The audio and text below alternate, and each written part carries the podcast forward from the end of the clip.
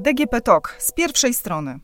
Dlaczego boimy się chorób wirusowych? Jak sprawdzić, czy szczepienie przeciwko koronawirusowi coś nam dało? O tym porozmawiam dziś z gościem podcastu z pierwszej strony. Dzień dobry, Agnieszka Gorczyca, Infor.pl, a gościem odcinka jest dr Leszek Borkowski, farmakolog, były prezes Urzędu Rejestracji, konsultant do spraw rynku leków amerykańskich funduszy inwestycyjnych, członek zespołu doradczego przy Agencji Rządu Francuskiego. Dzień dobry, panie doktorze. Dzień dobry, panie redaktor, dzień dobry państwu. Panie doktorze, jak tam zdrowie? Pan się już zaszczepił? Tak, tak, ja, ja już się mm, zaszczepiłem zaszczepiłem i czuję się dobrze. Natomiast odpowiadając na pytania, to powiedziałbym tak. Wirusy to paskudne przeciwniki, dlatego że są niezwykle proste. I ci przeciwnicy przez swoją prostą budowę są niezwykle trudnym, wrogim wojskiem do zatrzymania w naszym organizmie. Im atakujący nas patogen jest mniej skomplikowany, tym trudniej jest coś zmajstrować u niego, co by zahamowało jego inwazję w naszym ciele. Wydaje mi się, że walka z wirusami tak naprawdę rozpoczęła się w dniu, kiedy poznaliśmy wirusy chorobotwórcze. To są oczywiście wirusy te pożyteczne, które wykorzystujemy i w rolnictwie, i w różnych innych rzeczach. O nich nie będę mówił, ale wirusy chorobotwórcze są y, wirusami, z którymi walczymy i jak popatrzymy na efektywność tej walki, to ona jest nieznaczna. Odnosząc się teraz do choroby COVID wywołanej przez wirusa SARS-CoV-2. Do dzisiaj, popatrzcie Państwo, ile czasu minęło od zarejestrowania e, początków epidemii, która się przekształciła w pandemię. Do dzisiaj nie mamy żadnego leku. To, co stosujemy, stosujemy w tak zwanym leczeniu paliatywnym, czyli e, wtedy, kiedy e, chcemy znieść objawy u pacjenta zagrażające życiu. Lekiem, który wydawał się, że będzie wspaniały, był remdesivir, ale on ma bardzo ograniczone zastosowanie i tak jak czytałem opinie różnych osób rozhisteryzowanych, które krzyczały, no gdzie jest walizka remdesiviru, która powinna stać przy moich nogach. Nie, nie powinna być stać, bo to jest lek, który trzeba wiedzieć jak zastosować. Jego efektywność terapeutyczna jest niezwykle ograniczona. Panie doktorze, pan wspomniał, że y, rok pandemii za nami, leku nie mamy, ale mamy cztery szczepionki. Pfizera, Moderny, AstraZeneca i Johnsona. Proszę powiedzieć, czy macie Państwo takie konkretne informacje, jak długo te szczepionki były badane i czy były badane odpowiednio długo? Bo tutaj wiele takich zastrzeżeń, informacji, nawet komentarzy na, na różnych forach się pojawia, że te szczepionki nie mają odpowiednich e, długich badań. Może zacznę od tego, że ja e, z uwagą słucham wszystkich komentarzy, ale też wymagam od osób komentujących, żeby znali się merytorycznie na problemie, który komentują. Dlatego ja na przykład nie pozwalam sobie komentować konstrukcję rakiet kosmicznych na Marsa, bo się na tym nie znam. Analogicznie proponuję, żeby część osób y, zabierających głos w sprawie szczepionek przyhamowała swoje emocje, a więcej skupiła się na uczeniu. Dlaczego? Dlatego, że szczepionki wytwarzane na platformie Messenger RNA, to mamy zarejestrowaną, czyli dopuszczoną do obrotu, szczepionkę Pfizer-BioNTech, mamy szczepionkę Moderna,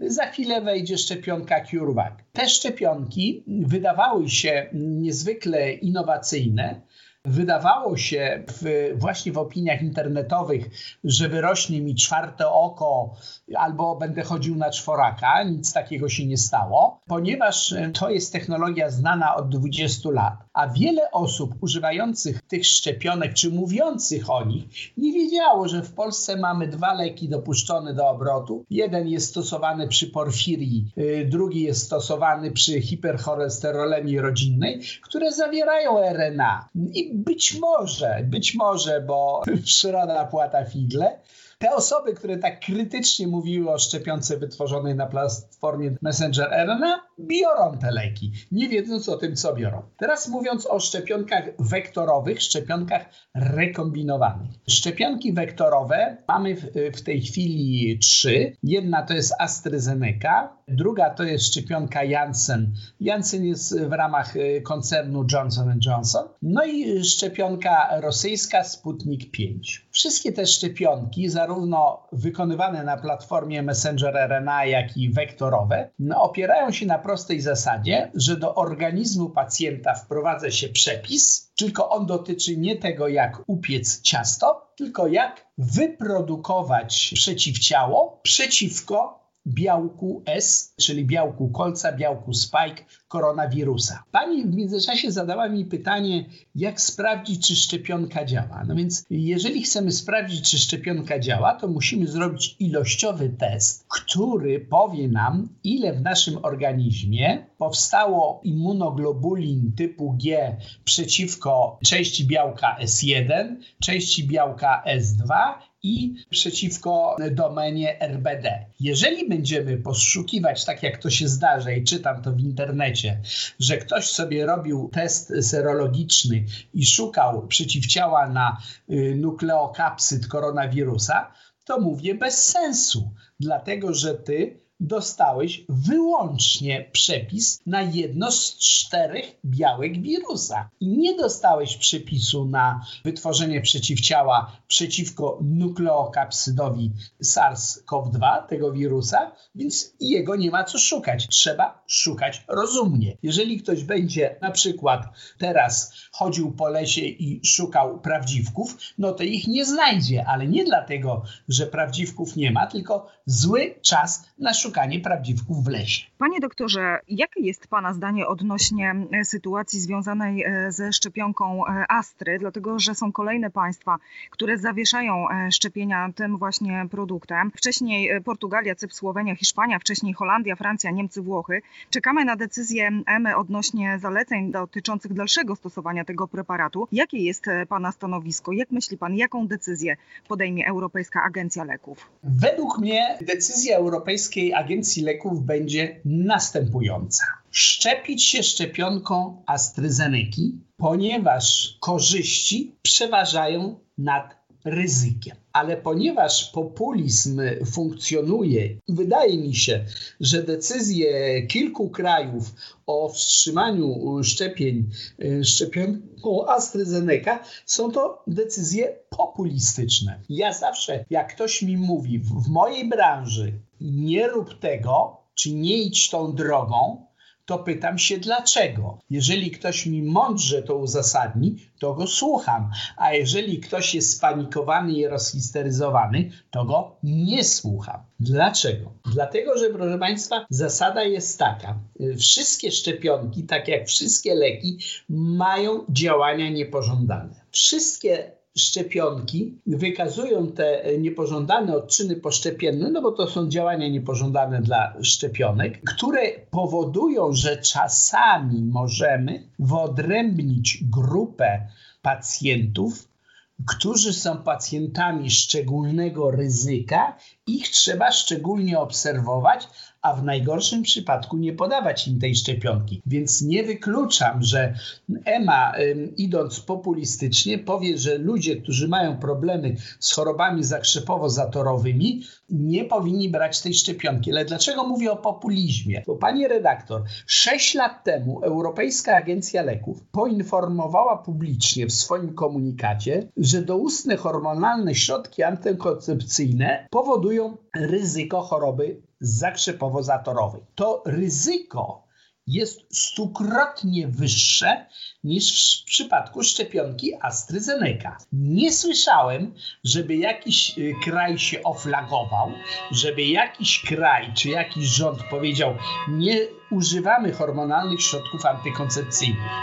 To nie jest jedyny przykład leków, po których występują problemy zakrzepowo-zatorowe. Kolejnym lekiem jest to facitinib To jest taki inhibitor kinazy janusowej. Zacznę dalej mówić prostym językiem. Stosowany przy reumatoidalnym zapaleniu stawów, łuszczycowym zapaleniu stawów. On powoduje zakrzepy w płucach i żyłach głębokich, ale jest stosowany w leczeniu. Kolejny lek, gencytabina, stosowana w onkologii, powoduje powstawanie zakrzepów w małych naczyniach krwionośnych. Jest stosowana. I lek, który wszyscy znają, amoksycylina, antybiotyk. Wszyscy antybiotyki jedzą garściami, jak ich nie upilnują lekarze i farmaceuci. Są zadowoleni, a one również wymagają w przypadku pacjentów z chorobą zakrzepowo-zatorową podawanie wyższych doustnych środków przeciwzakrzepowych. Tych leków jest cała masa, nie chcę panią nudzić. A wracając jeszcze do mm, szczepionki AstraZeneca, to on powiedział tak. Proszę sobie wyobrazić, że są samoloty. Proszę sobie wyobrazić, że co jakiś czas dochodzi do strasznych tragedii, samoloty spadają, giną ludzie. I proszę sobie wyobrazić, że jakby pani miała jutro dostać się do Paryża, to by pani wybrała jazdę rowerem, hulajnogą albo pieszo. Prawda? Są zagrożenia, a mimo to robimy, bo musi być tak zwany stosunek korzyści do ryzyka. Jeżeli coś mi więcej daje lek, to go biorę, mimo że jest ryzyko działań niepożądanych. Tak to funkcjonuje od bardzo wielu lat na świecie i często ludzie nieznający się na rejestracji mówią, to badania były za krótkie. Gdzie za krótkie? 20 lat to za krótko. Panie doktorze, y, na konferencji e, prasowej minister Dworczyk powiedział, że rośnie odsetek osób, e, które dowiedziawszy się o tym, że mają być e, szczepione szczepionką Astry, no niestety z tego szczepienia rezygnują, dlatego że w przypadku Pfizera takich sytuacji sytuacji e, nie było. Dużo osób postanawia poczekać ze szczepieniem. Czy uważa Pan, że w takim razie to jest histeria, czy te racjonalne dowody na wstrzymanie szczepień Astrą będą? Gdyby y, to mówiły osoby, które pracują przy rejestracji leków i przy, pracują przy rejestracji AstraZeneca i mają wszystkie dane,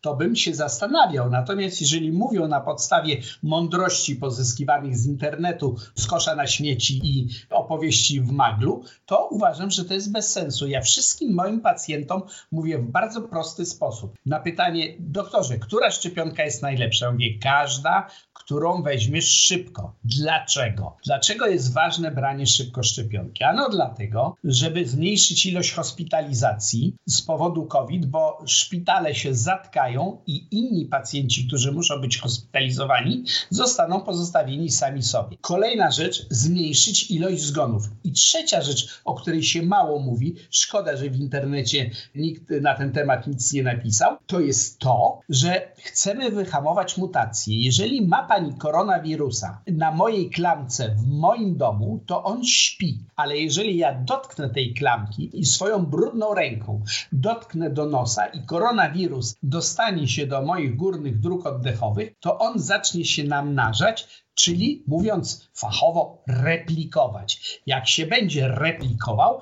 to będzie mutował. I my się boimy, żeby nie pojawiły się mutacje. Dzisiaj mamy 16 tysięcy mutacji. Boimy się, żeby się nie pojawiła mutacja, która spowoduje, że y, chorzy będą umierać nie 50 razy częściej, tylko 100 razy częściej, bo to jest ogromny problem. Panie doktorze, a czy pan może nam e, zdradzić, jeżeli to oczywiście nie jest tajemnica, którą szczepionką pan się zaszczepił? Ja się zaszczepiłem szczepionką Pfizera. To nie jest żadna tajemnica, dlatego że wtedy była, jak przyszedłem tego dnia, była szczepionka Pfizera. Mhm. A z czego w takim razie e, wynikają takie różnice? Tutaj chciałam dopytać o proces rejestracji leków. Wspomniał Pan wcześniej, że jest to bardzo e, istotna informacja, jak te leki w przypadku szczepionek są rejestrowane, dlatego że są szczepionki dla osób młodszych, są szczepionki dla osób starszych. Z czego wynika ta różnica, że jedna szczepionka jest dedykowana tej grupie wiekowej, a druga innej? Już tłumaczę. Jak się człowiek spieszy, to się diabeł cieszy.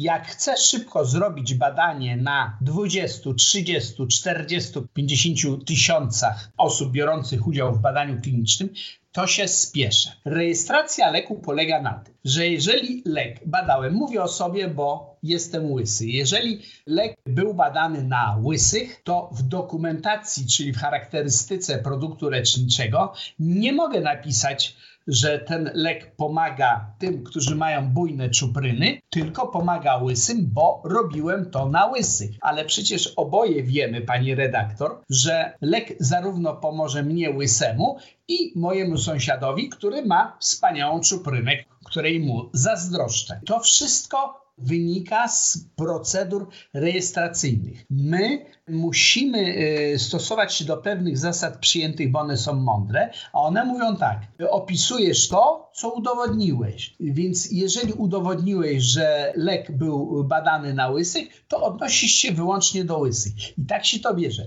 A jeżeli panią redaktor nie przekonałem, to jeszcze podam jeden przykład. Y, wiadomo, że szczepionka może być stosowana u 65-latków. Proszę ustawić w jednym rzędzie 65-latka, 66-latka, 67-latka i 68-latka, którzy są w jednakowym dobrym stanie ogólnym. To proszę im powiedzieć, czym się ich organizmy różnią. Ja mówię z punktu widzenia biologicznego pomiędzy sobą, że jeden może brać szczepionkę, a drugi nie. I proszę pamiętać, że wiek metrykalny, czyli ten wynikający z daty urodzenia, nie ma nic wspólnego z wiekiem biologicznym. Wiedzą o tym panie, na przykład moje koleżanki ze studiów, które wyglądają rewelacyjnie, no a mają już, prawda, y, swoje lata, tak jak ja. Panie doktorze, na koniec jeszcze chciałam zapytać pana o kwestię paszportów covidowych. Myślę, że pewnie też się pan nad tą sprawą zastanawiał, dlatego że czekamy na stanowisko Komisji Europejskiej, która ma przedstawić propozycje dotyczące właśnie tych zielonych certyfikatów. Te paszporty mają zawierać dane na temat szczepień przeciwko COVID-19, dane o takim przebytym zakażeniu, no i przede wszystkim dane o negatywnym wyniku testu. Miałyby obowiązywać zgodnie z założeniami jeszcze przed latem bieżącego roku. Czy uważa pan, że w wprowadzenie takich certyfikatów, takich paszportów, to jest dobry krok. Wydaje mi się, że tak, ponieważ takie paszporty od dawna są stosowane. Ja w swoim życiu i zawodowym, i prywatnym dużo jeździłem w różne dziwne miejsca i bardzo często zadawano mi proste pytanie albo na granicy, albo w pracy. Borkowski, czy byłeś szczepiony na żółtą febrę? No byłem, pokaż. Książeczkę zdrowia wyciągam, no dobra, jest w porządku, do roboty. I y, nic się nie stało, ani nie y, straciłem honoru, ani nie straciłem y, innych rzeczy.